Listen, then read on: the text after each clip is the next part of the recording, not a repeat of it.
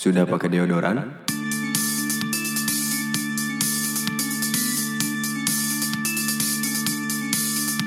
Yo yo yo, balik lagi sama Sela di sini. Ada Jihan di sini. Sekarang, Kamu lagi dengerin podcast Deodora. wow. Ada orang baru. Balik lagi bareng podcast Deodoram. Pastiin dulu nih kalau kalian dengerinnya bareng teman, keluarga dan calon mertua. hari ini kita nggak cuma berdua teman-teman. Ada salah, salah satu, aduh pebelibet deh. Ada salah satu bintang tamu yang kemarin juga nemenin kita. ya, jadi produser ya kalau kemarin ya di episode kemarin dan kalau sekarang dia kita angkat menjadi bintang tamu. Mau Oke, diangkat. ya. Kita sambut dulu Aci. Assalamualaikum Daci. Waalaikumsalam. Mau ngomong sesuatu dulu? Apa ya? Mungkin say hi aja buat teman-teman Eh, yang, baru denger atau yang udah denger kemarin. BTW kita listenersnya udah mencapai 80 ribu loh. Tapi waktu di komputer aku 80 juta. Oh gitu, itu udah udah naik ya, udah Oh, gitu ya? gila gila hebat ya. banget gila. Iya kemarin tuh jadi ketika tadi di Jihan berapa 80 juta 80 ya? juta, ya. ya Terus aku ngecek email ya, ngecek email podcast Deodoran itu udah ada eh, email yang masuk sekitar eh, 40 ribu. Email yang masuk. Sampai aku ngebukanya aja sampai ngehang gitu Ya, laptop ya. Jadi yang kebukanya cuma satu. yang kebukanya cuma satu jadinya. Jadi intinya adalah kemarin itu aku dapat banyak feedback gitu ya di email itu. Isinya adalah tentang durasi gitu.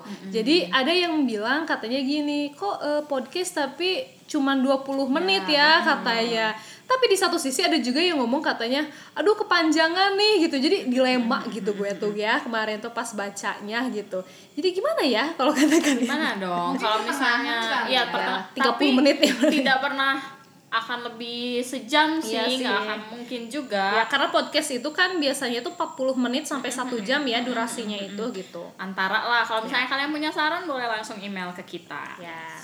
Sekarang kita mau ngapain nih, Sel? Ya. Mau ngomongin apa, Sel? Bener bener bener. Kemarin waktu episode kemarin kan kita udah ngebahas AADD nih ya. Dan sekarang kita itu bakal ngebahas tentang Tentang apa sih? Apa coba? tentang Tentang tentang Tentang psikopat ya, psikopat. tentang psikopat. Jadi memang beberapa hari kemarin kan kita sempat diskusi nih tentang psikopat ini dan masih gantung kan ya. Terus juga kayaknya teman-teman juga ini informatif Ya, ya, buat benar, benar, benar. sekalian. Makanya kita ah ya udah kita jadiin materi buat podcast episode kedua ini Dengan judul pasangan psikopat. Wah, gila gila. Kamu Ini Aku lagi mencari nih. Jadi mencari khawatir. Khawatir takutnya menemukan khawatir. ya, kalau Zia udah dapet pasangan belum sih? masih proses. Jadi gimana nih Sel kalau misalnya menurut Sela nih dari eh, detailnya psikopat itu kayak gimana dan lain-lainnya. Coba Ya. Sel. Jadi kita itu banyak eh, miskonsepsi ya mengenai psikopat ini karena banyak banget film-film di Hollywood sana gitu yang menggambarkan kalau misalnya psikopat itu adalah pembunuh berantai gitu. Sebenarnya gitu sebenarnya adalah eh pembunuh berantai itu eh, benar sih psikopat gitu. Yes, yes. Cuman banyak juga psikopat yang hidup di sekitar kita itu yang punya kepribadian itu yang gak sesuai dengan selera mereka gitu. Jadi sebenarnya mereka itu eh, senangnya itu malah menghancurkan kehidupan orang lain gitu loh. Jadinya tuh lebih fokusnya ke sana gitu, menghancurkan kehidupan orang lainnya itu bisa secara emosional, bisa juga secara finansial gitu. Jadi ya mungkin mereka itu nggak ngebunuh sebenarnya psikopat yang ada di sekitar kita itu gitu. Tapi mereka itu menghancurkan hidup orang-orang gitu yang ada di sekitar kita, eh di sekitar dia gitu. Nah, nah itu adalah eh, miskonsepsi mengenai psikopat gitu. Nah sekarang aku pengen eh, menjelaskan gitu ya ke teman-teman mengenai psikopat secara eh, dalam kacamata psikologinya gitu. Nah di psikologi itu ada buku yang namanya itu DSM-5 sekarang itu. Yang terbaru itu sekarang ini ya DSM-5. DSM-5 aja lah kita ngomongnya.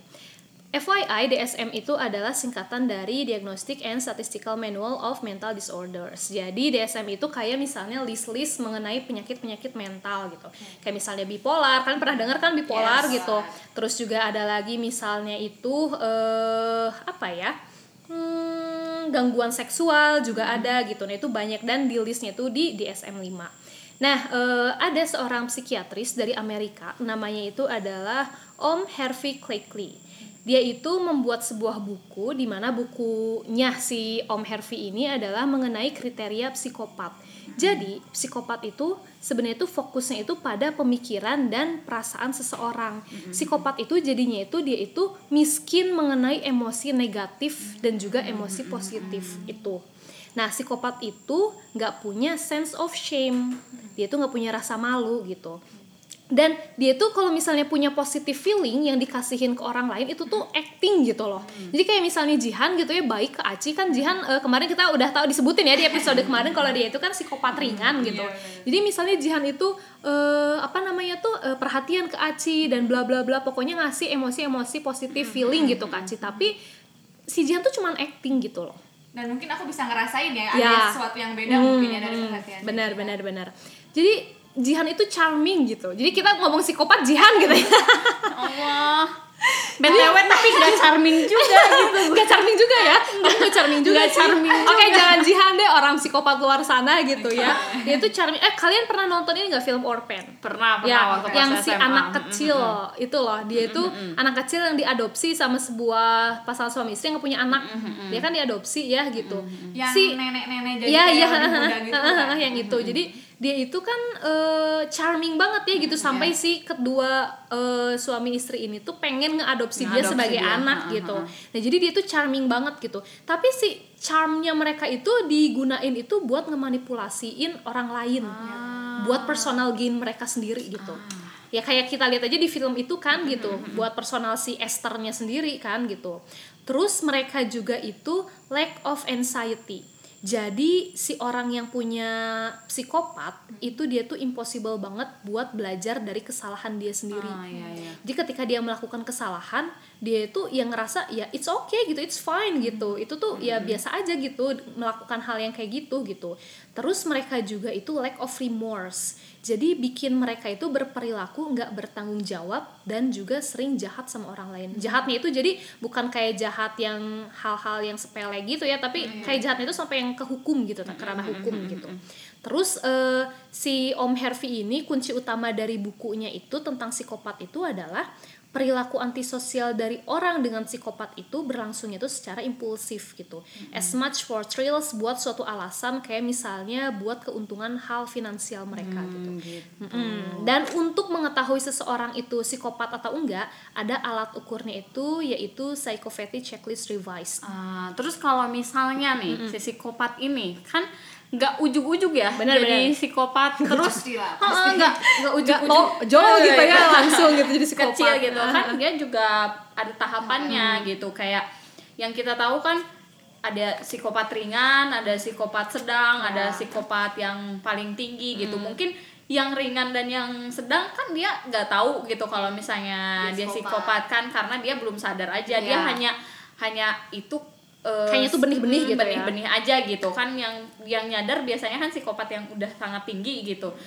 Nah, asal mulanya dari mana nih?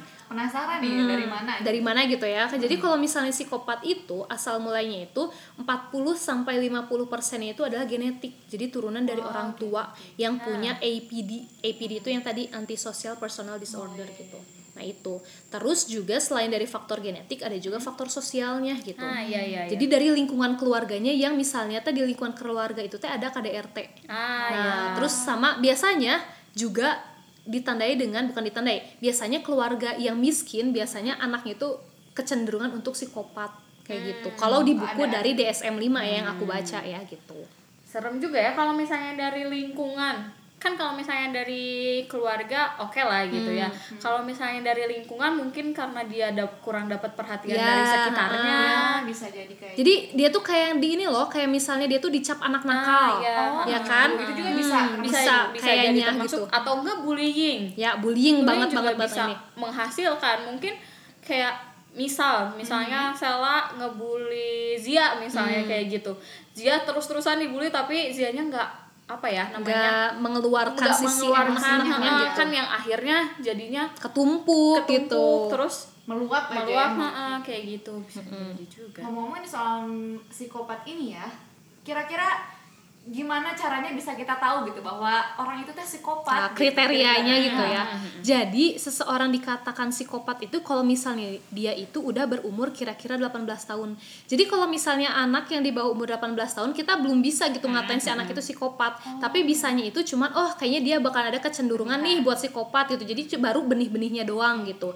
Seseorang Jihan dikatakan psikopat ya karena dia sudah lebih dari 18 tahun gitu. Nah, terus ada juga pattern-pattern perilaku yang suka muncul di si orang ini. Minimal tiga kali gitu si pattern ini. Yang pertama itu adalah melanggar hukum berkali-kali. Jihan enggak. Oh enggak ya? Yang kedua. Belum kali Jihan, Jihan enggak. Nanti kapan? Ya, entah kapan jangan gitu ya. dong Astagfirullahaladzim kalian teman yang tidak baik ya mendoakan aku seperti itu. Jadi dia tuh melanggar hukum itu sampai mungkin bisa pernah masuk ke kantor polisi gitu nah Mm-mm. Terus kecuali juga- buat sim ya Beda.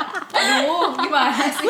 buat sih bener ke kantor polisi kali Penjara makanya spesifik gitu ya, penjara.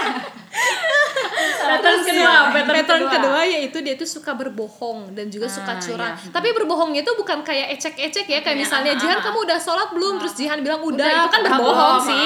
Sebenarnya itu berbohong, cuman bohongnya bukan yang kayak gitu gitu, yang udah tingkatan dewa gitu ta. Strategi dia. strategi, Iya, strategi. jadi untuk ngelancarin hal apa, dia personal game dia, gitu. ah, gitu. gitu gitu Terus juga dia itu ya perilakunya impulsif hal-hal yang tadi gitu. Terus dia juga ini cepet marah terus agresif si orangnya tuh. Jadi dikit-dikit marah senggol bacok lah istilahnya tuh. Senggol bacok. senggol bacok gitu aku istilahnya. ke si Agung doang. Marah-marah gimana dong? Minta maaf dong. enggak emang dia aja yang suka bikin marah. Ya terus dia juga nggak peduli gitu sama keamanan dia sendiri juga nggak peduli sama keamanan orang lain. Jadi ya bodoh amat lah Yang gitu. itu, heeh, ya. jadi orang mau celaka ya ya udah bodo urusan amat dia gitu, gitu. urusan dia gitu. Terus juga dia itu nggak bisa bertanggung jawab sama nggak bisa diandalin kalau misalnya dia dikasih suatu amanat gitu. Terus juga dia yang tadi lack of remorse. Nah itu kriteria-kriteria si orang psikopat. Jadi kalau misalnya ada orang yang si pattern perilakunya itu muncul minimal tiga dari yang udah aku sebutin nah dia itu ada ken- kecenderungan buat psikopat kayak Ah, gitu, gitu. Terus, Jadi mikir nih, apakah aku pernah menemukannya? Yes. atau enggak? Mikir dong ngaca dong ngaca. Diri Terus sendiri. Seperti ya. itu. Terus nih ya, Tachi salah Jihan juga nemuin artikel di Vice Channel. Judul artikelnya punya pasangan psikopat. wow damn gila gila gila, kebayang gila, kebayang. gimana ya. rasanya punya pasangan psikopat. Jadi yang diwawancarai ini seorang wanita nih, si istrinya yang hidup bareng suami psikopat. Dia juga ngejelasin kalau di awal sebelum nikah suaminya manis banget, romantis banget dan of course she's being tricked by her husband. Jadi dia bener termanipulasi banget sama si apa namanya Suaminya si itu suaminya ya? itu gitu. Jadi sebelum nikah tuh kayak eh, minta maaf lah Manis dan banget manis ya, banget. Ah, pokoknya langsung baikan langsung baikan makanya Iya. kan bikin lulu jadi mungkin si istrinya ini juga sempat bilang ya dia baik ke saya gitu akhirnya dia memutuskan untuk menikah tapi parahnya ketahuannya ada sifat-sifat psikopatnya itu setelah dia menikah jadi waktu kejadiannya pas dia lagi hamil suaminya sekali dua kali ketahuan kayak lagi selingkuh gitu. Sakit, sakit bro. hati ya lagi hamil coba. Lagi selingkuh. Dan parahnya lagi yang bikin parahnya lagi adalah suaminya nggak merasa bersalah dengan apa yang dia lakuin. Jadinya ya udah gitu. Yang tadi kata salah tadi gitu Lack kurang remorse. mm, dia juga apa namanya tadi yang shame shame itu apa? Lack of shame. Yes, lack of shame juga. Terus di artikelnya juga si Sri ini bilang kalau suaminya sering banget pity play. Pity play itu jadi kayak misalnya Teh Aci ini punya salah ke Sela misalnya. Terus eh, Sela kan merasa eh, merasa kesal nih ya. Iya. Tapi Teh Aci mah biasa aja sebenarnya gitu. Cuma triknya Teh Aci adalah Teh Aci itu Memutarbalikkan eh, fakta kali ya. fakta gitu. Jadi Aci ngasih alasan kenapa saya kayak gini tuh karena gini gini gini yang bikin jadi drama yang akhirnya bukan Teh Aci yang harus merasa bersalah, Tapi Sela jadi gitu Sela ya. yang merasa bersalah udah bikin Teh Aci nginget lagi hal-hal yang bikin Teh Aci teh sedih gitu di drama dramatisir itu gitu. Nah, itu sih ya Allah, ya Allah, ya Rahman, ya Rahim dan akhirnya jadinya Sela nggak merasa nggak enak finally balik baikan lagi balikan Sela yang lagi. minta maaf Ah, Aci iya ya, mah jadinya ya. kayak gitu. nah si suami pasangan suami istri juga ini Kayak kayak, gitu. gitu gitu. Gimana jadi dong, ini banget ya eh, mau mau lepas juga susah, Susah gitu ya. jadinya. Ah. kayak ya gitu gara-gara gara-gara itu tadi gitu eh. Eh btw ada ada ini ada kurir ya? Ada terima kasih loh. Jadi kita ya disponsori oleh ada yang ngasih minum gitu ke kita tadi sampai mana ya tadi? Tadi oh ya sampai, sampai- yang jadi dia tuh sangat sangat kalau misalnya mau cerai juga kayaknya diteror gitu Iya, sama iya, si iya. suaminya Takut, gitu takut kan banget. karena Posesif. iya benar-benar Iya, posesif jadinya berposesif Mm-mm. Terus sampai kalau misalnya sampai neror pasti bener gitu. Tapi tujuannya mungkin over posesif tuh bener ya. Tujuannya iya. kayak nggak mau kehilangan Kehilangan. Jadi dia tuh- menjaga. ya, tujuannya kayak gitu tujuannya bener. Tapi caranya yang Yang salah salah. kan kalau misalnya langsung neror serem juga Iya. bro. Tapi kan dia juga Dihantui ini gitu tuh ya. eh, dia juga kan personal gain gitu. Jadi dia punya istrinya tuh kayak misalnya mungkin dimanfaatkan untuk apa gitu ta jadi karena dia merasa aduh kayaknya aku udah punya nih mangsa nih yang bisa memenuhi keinginan eh, pribadi aku jadi dia tuh yang nggak mau lepas gitu walaupun Oh iya, aku si pernah baca juga tuh yang kayak Sela tadi artikel tentang apa psikopat ini, ciri-cirinya salah satunya dia itu hanya menganggap pasangannya itu mainan. mainan, Wow. cuma mainan aja kepuasan dia monopoli aja. kali. Barbie doll Barbie doll. Barbie doll. Barbie doll ya. Bener ya. Dan itu sangat sangat sangat apa ya sangat harus diwaspadai kalau misalnya udah kayak gitu gitu. Terus juga kalau misalnya ngomongin psikopat gitu kalian di real life-nya udah pernah nemuin belum di real life-nya yang kecenderungan Aku punya ketebah ya kecenderungan. kecenderungannya Kecenderungan. seperti itu gitu. Aku pernah punya punya punya. Jadi sama sih aku sama juga. kayaknya kita orangnya sama tau. Mungkin kita merasakan hal yang kita sama orangnya yang sama deh ya. karena kita ada lingkungan si yang Fulan sama. ya? Si Fulan si Fulan Si Fulan. di bulan puasa Ramadan ini nggak boleh nggak boleh julid. jadi si Fulan ya gitu jadi kalau misalnya yang pernah aku rasain ya dia itu jadi gimana ya? Eh dia tuh charming banget gitu ke terutama kan karena kita itu sekarang di sini ini sekolah. hubungan sekolah gitu ya. Jadi dia tuh charming banget ke si eh, anak kecil yang diajar gitu. Tapi aku gitu personal melihat dia seperti itu tuh kok kayaknya ada yang aneh gitu. Jadi takut gitu malah eh, baik dia tuh gitu. Iya, jadi iya. malah takut gitu. Contohnya contohnya? Kayak misalnya apa ya? Aduh aku lupa lagi apa ya Ci? Aci pernah inget nggak? Aku lupa lagi loh ini. oh kalian ngomongin orang yang sama Iya. oh, iya, iya, iya. ngomongin kita frekuensinya sama, sama, ya, jadi- jadi bisa Iya, iya. tukar-tukar Kalau gitu. aku sih pernah jadi kayak dia perhatian ngasih makanan Oh, iya, gitu. bener-bener. Mm, mungkin mau ngajak nikah Mau Aci. oh my god. ya kayaknya. eh butuh dukungan Iya. Oh ya, berarti kita juga support ya. Iya. support Nggak boleh Nggak ngejauhin. Nggak boleh, nggak boleh, nggak boleh. Jadi pernah dia tuh sesekali ngasih makanan gitu tanpa aku minta ya. Tapi mungkin kalau kalian yang ngasih atau teman-teman yang lain yang ngasih, aku merasa senang gitu. Tapi karena dia yang ngasih, entah kenapa rasanya tuh jadi kayak Risih. "Ya, gimana sih ini tuh mungkin ada maksud lain atau gimana? Jadi risih dan takut gitu ta. Iya benar-benar sama-sama. Sama aku juga kayak gitu sih, cuma nggak bisa dikata-katain. gitu. Kalau misalnya Jahan sendiri nih, Jahan punya kenalan. Jadi Jahan itu udah kenal sama si ceweknya. Oke. Jadi udah kenal sama si ceweknya udah dari lama. Dia juga sekarang udah berkeluarga nih. Eh, Jadi Jihan kenal ceweknya itu pas dia emang udah punya pacar si orang itu gitu. Terus semasa pacaran juga ya Jihan tahu karena temennya lah gitu. Siapa yang nggak tahu cerita lah pasti Iya. kan si cewek cerita ke Iya. Jihan sama seperti halnya tadi yang artikel tadi Jihan baca jadi si cowoknya memang sangat-sangat charming gitu si ceweknya mau nangis kayak gimana pun didatengin gitu Wah. sampai sampai Bawa bunga. Ya, mm-mm, sampai sampai Bawa coklat. bawa coklat bawa bunga kayaknya sampai baikan lagi gitu kan suka kesel nggak sih kalau misalnya punya teman terus temennya nangis cuman gara-gara pasangannya yang kurang ajar Ah, misalnya terus terus, balik balik lagi gitu. Kesel ya. Aduh, aduh. Ih, kaduhung gitu kayaknya tuh ya. Di ini percuma gitu mau Kadang sa- kita mau ngasih masukan juga percuma Iya, ya. gitu, mau percuma. ngasih saran tiga lembar atau kayak skripsi juga percuma gitu Tapi ujung-ujungnya balikan lagi gitu. ujung-ujungnya balikan lagi dan akhirnya mereka nikah nih pas setelah nikah eh, temen aku tuh udah punya anak Oke. dan akhirnya baru ketahuannya itu beber- beberapa tahun setelahnya gitu Kira-kira berapa tahun tuh? Lima tahun, empat tahun? hampir hampir sekarang anaknya udah dua tiga berarti ya udah hampir lima Lima tahun tahun enam lima lah tahun ya. ke atas ya dan akhirnya dia cerita kok eh, pasangan aku kayak gini ya gitu. Dulu tuh dia sangat baik ke aku sekarang dia dikit-dikit emosi dikit-dikit ini. Tapi sebenarnya jadi si emosinya nggak langsung pas lima tahun kenal terus langsung, Langsung gitu. jebret Nah, gitu ya, enggak bertahap jadi sebenarnya emang bertahap. Jadi setelah dia nikah tuh ada hal-hal yang emang di Permasalahan. Eh, dipermasalahkan selalu dipermasalahkan. Finansial bukan?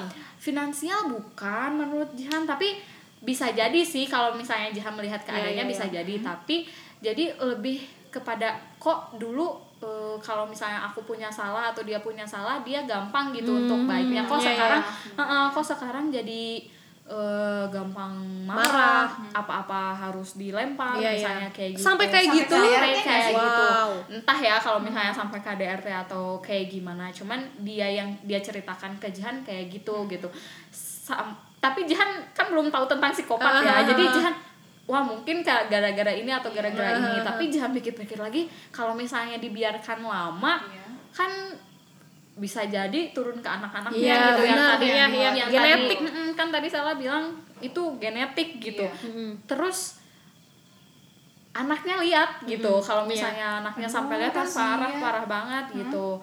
Tapi subhanallahnya si ceweknya itu sangat Teman kamu sabar itu, gitu heeh. heeh, sangat sabar banget gitu makanya tapi menurut Jihan sih mudah-mudahan bisa sih bisa ya. bisa diubah dikit-dikit mudah-mudahan gitu Tapi aku rasa ya si teman kamu itu tuh kayaknya nggak sabar sebenarnya tuh di dalam hatinya tuh. Ya gila aja coy, dikayak begituin sama Iya. suaminya coba aku mungkin trauma Iya ya kan gitu tahan nggak coba kalau kamu kamu ngedengerin aja kayak udah deh cerai aja gitu kan ya Kayaknya gitu. ya Allah. Tapi kalau posisi dari si teman kamu itu ya sebenarnya emang nggak tahan Iya. tapi kalau misalnya dia menolak dia bakal diteror Iya, benar. jadi dia tuh posisinya Sulit gitu, banget ya, heeh. sulit banget sulit kayaknya banget. makanya Jahan juga sebagai pendengar juga bingung harus Iya. kayak gimana bukan karena udah bukan keluarganya dan Iya. bukan tidak seharusnya mengikut Iya. campur, campur gitu, gitu, nggak iya, ada hak benar-benar. jadi wah gimana dong gitu Terus ya eh, ini juga nih kata ilmuwan syaraf ada yang namanya itu Dr. Ken A. Kill. Dia itu percaya kalau misalnya sekitar satu dari 150 orang itu adalah psikopat. wow Jadi seandaikan Bandung ini ada 8 juta jiwa. Nah, 53 ribu orang Bandung itu adalah psikopat. Jadi coba ya kalian Oh, ya. mungkin aja sekarang teman kalian yang ada di sebelah kalian itu adalah psikopat atau kan calon mertua kalian juga sendiri. oh, sekeliling kita psikopat gitu kan.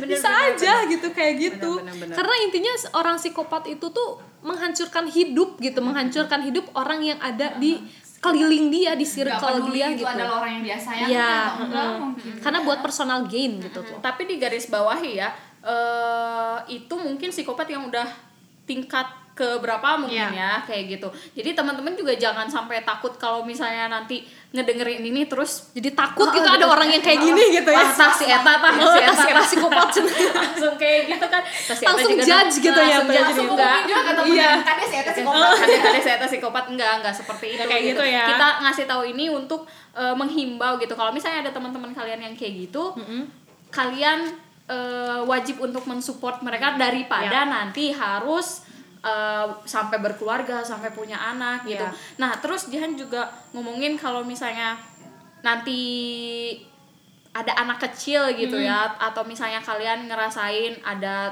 satu orang yang keras nanti jangan sampai ngejudge ah ya kalau misalnya dididik sama suaminya atau didik sama orang tuanya keras mah itu mah ya emang didikan Urusan- gitu iya. urusan urusan pendidikan Iya. mau kayak gitu jangan sampai menyangka bahwa everything is okay Iya, gitu benar, karena benar. eh, beda kasar yang memang sudah emosional habitual Iya. ada yang kasar memang Mendidik mendidik, gitu. beda Nah. eh, kasarnya tegas gitu karena kalau misalnya kasarnya tegas yang Jihan rasain ya kalian eh kita seangkatan kan ini ya ini kayaknya parenting, ya Parenting jadinya ya sekarang kan, kan, seangkatan gitu ya kan orang tua juga kadang-kadang keras gitu Iya. takutnya nanti kalau misalnya Jihan tuh takutnya setelah kalian ngedengeran ini gitu nanti ada kekerasan disangkanya psikopat psikopat Ah. psikopat kan?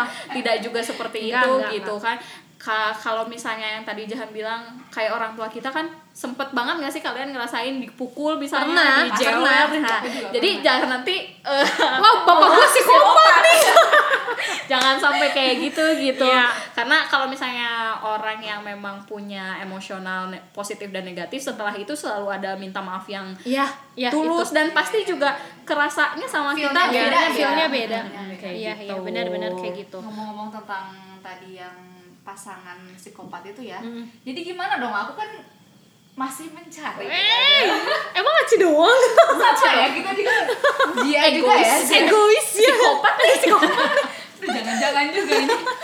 Gimana, gimana? Ci? Aku Ah. sendiri yang mau nanya ke kalian. Kalau misalnya dalam mencari pasangan itu kan ada yang mungkin dengan cara pacaran Hmm. ada yang juga mungkin enggak yaitu dengan lewat taaruf. Itu gimana tuh dengan yang taaruf? Kan biasanya cuma membagi data doang kan berbagi bertukar data Hmm, biodata gitu. terus gimana caranya kita mengenali secara itu apakah psikopat atau tidak gitu? Solusinya sel adalah aduh jadi bingung aja. Adalah adalah jadi sebenarnya karena aku juga belum pernah taarufan ya coy gitu ya. Aduh nggak tahu nih. Cuma yang aku tahu kan kalau misalnya taaruf itu kan mo- dia tuh apa ya mengisi biodata gitu kan. Dan di biodata itu kan ada visi dan misi dan juga alasan kenapa mau menikah gitu kan. Ke depannya bahkan kayak gimana itu masuk ke visi kali ya. Ya gitu kayak gitu. Eh, terus dikasihin ke guru apa ya istilahnya ya guru Murabi. ngaji kali ya. Ah, murabinya masing-masing gitu kan. Terus ketemu jadi gini gitu pasti kalau misalnya ini kita nggak bahas secara taarufnya ya gitu. pasti kalau misalnya yang namanya murabi atau guru ngaji itu kan pasti tahu ya si orang itu seperti apa. jadi gini loh teman-teman yang merasa takut kalau misalnya taaruf itu kita tuh sama sekali nggak tahu orangnya bakalan kayak gimana Nah, enggak, nih kita enggak kan. kita buka bukain ya gitu ya. Jadi yang namanya taaruf itu kan orang yang ketika mau nikah itu kan sebelumnya ngaji dulu ya. Kalau yang ngaji gitu kalau yang ngaji gitu pasti ngaji dulu. Dan pasti kan bakalan diperhatikan gitu oleh si guru ngajinya masing-masing atau istilahnya itu murabi gitu kan. Bakalan di eh, di oh kayaknya dari pertama kali dia ikut ngaji sampai dia memutuskan untuk eh, menikah itu kan pasti terlihat ya perbedaan karakternya. Terus pasti murabi juga bakalan tahu dari eh, apa ya anak didik apa ya bahasanya Mungkin. ya dari teman-temannya si orang itu yang mau nikah itu dari teman-temannya si orang itu bagaimana bla bla bla bla bla. Karena pasti si murabi itu bakalan nanya gitu ke satu satu satu gitu. Si ini bagaimana dakwahnya bagaimana dan bla bla bla bla bla. Jadi nggak usah takut gitu kalau misalnya eh, ketika kita mau nikah dengan cara ta'aruf dan eh, kita itu berpikir kalau misalnya nanti ta'aruf tuh kita tuh sama sekali nggak kenal Blank dengan orang ya. itu. Pasti enggak gitu. Karena pasti yang bakalan eh, mendeskripsikan si orang ini ya murabinya gitu. Pasti murabinya gitu. Itu kalau misalnya caranya ta'aruf gitu. Kayak gitu sih. Selain dengan murabi mungkin juga kalau misalnya nih ya Teh Aci nih ya ketemu nih sama si cowok ini nih si Ikhwan ini. Pulang ya. Si Fulan ini. Kan pasti dia bukan hanya eh, diantar dengan murabi mungkin dengan teman-temannya. Iya, iya, iya, benar-benar. kan, Kan pasti, bisa, ah, bisa langsung tanya dengan teman-temannya juga ini Iya. gimana? Ya untuk nanyain hal yang kayak gitu kan wajar kalau misalnya memang prosesnya Iya, untuk Serius. eh, Iya. serius gitu terus juga paling itu aja sih. Menurut Jihan kalau misalnya pun mau ngobrol juga kan bukan berarti taaruf kita gak bisa ngobrol Iya, langsung kan kita bisa Iya, ngobrol iya. langsung Iya. asalkan ada pendampingnya Iya. kita kan mungkin asalkan situ ada juga bisa terasa mungkin Iya. Ah, gitu Terus malah ya kalau misalnya menurut aku yang namanya pacaran malah si orang yang misalnya si Lebih cowok ya, ya ya. lebih bisa manipulatif ke si iya. ceweknya gitu karena langsung gitu kan gitu. Jadi bisa bisa acting gitu. Tapi kalau misalnya kayak tadi tuh yang kayak ada murabinya itu kan pasti tahu ya gimana gimana kayak apanya gitu. Soalnya kan lama gitu jangka waktunya sementara kalau misalnya pacaran ketemu terus dia langsung bisa acting kan berarti itu kan ya dia buat kayaknya buat eh, gain Promosi. personalnya dia doang kayak gitu. Sela menurut ini aku ya. lagi jadi PHO jadi kalian yang dengar terus pacaran kalau putus ini semuanya gara-gara Iya. Sela. ya salahin aku nggak apa-apa nggak apa-apa nggak apa-apa tenang tenang salahin aku aja nggak apa-apa it's okay nggak apa-apa terus terus kalau misalnya eh tadi ngomongin tentang kan tadi ngomongin tentang apa namanya pasangan. Ya. Ya. kan terus teman juga udah ya ngomongin te- tentang teman. Berarti sekarang ngomongin anak-anak Ya, nih. anak-anak. tindakan preventifnya gimana? Preventif itu tindakan pencegahan. Ya. Gimana menurut Sela menurut Aci? Menurut Aci dulu deh gimana? Oke. Kalau dari aku sih yang aku tahu ya, tadi karena kalian mau apa ngobrolin tentang kekerasan dan lain-lain, mungkin hal pertama yang aku bakal cegah itu tentang kekerasan dalam lingkungan anak-anak Iya. ya. Misalnya anak-anak berantem kayak gitu. Itu mesti dicegah bukan ah dah biarin dah itu mah anak-anak nah itu harus dicegah Iya. gitu mungkin itu jadi suatu benihnya nanti dia bakal jadi psikopat besar Ah, kebiasaan ah ya udahlah masih anak-anak Nah, anak-anak ini, nah itu tuh biasanya yang salah. gitu. Karena iya bener tahu banyak banget ya. Dan bahkan keluarga aku sendiri juga masih kayak gitu gitu. Maksudnya dari keluar dari nenek gitu. Dari nenek itu kan punya anak gitu kan, bapak aku terus eh, yang lain-lainnya. Nah, keluarga-keluarga aku yang kebetulan hidupnya bukan di Bandung gitu, di suatu kota yang lain, dia tuh masih beranggapan kalau misalnya ada anak-anak yang berantem sampai wah pokoknya mah sampai ya pukul-pukul kayak gitu, baiklah ada geus budak eh ada budak keneh gitu ta. Dan kayak gitu pas udah gedena mikir tanpa dikasih edukasi gitu Nah, ta. padahal Itu yang salah ya. Iya. terus kalian pernah ngalamin nggak atau melihat atau bahkan mengalami misalnya Jan sebagai adik di di apa? Huruyan. Huruyan. ya maksudnya dijailin sama Sela nih sebagai kakak. Terus kata mamanya balas aja balas balas Oh, Nah, iya, sering gitu sering, kan. sering, Iya, iya, sering iya, iya, iya. banget. yang bahaya Hmm, sebenarnya. Jahan punya ponakan nih yang kecil nih ya Jahan punya ponakan. Jadi dia juga sering apa ya dibully lah. Kan cewek nih si ponakan Jahan terus emang eh, dia rada kurang berani lah gitu ya. Terus Kurang berani dalam hal melawan lagi gitu. Jadi kalau misalnya udah defense buat diri dia sendiri kali. terus dibulinya tuh jadi takut kayak gitu. Terus akhirnya ada yang ngasih saran udah lawan aja lawan lawan kayak gitu ya. Akhirnya dia ngelawannya mungkin bukan ngelawan secara Fisik. eh, fisik tapi ngelawan secara omongan gitu. Kan akhirnya jadi bibit-bibit dendam ya Iya, kayak kayak gitu tuh ya. Jadi tuman nantinya tuh. kayak gitu. Makanya bullyingnya malah makin seneng.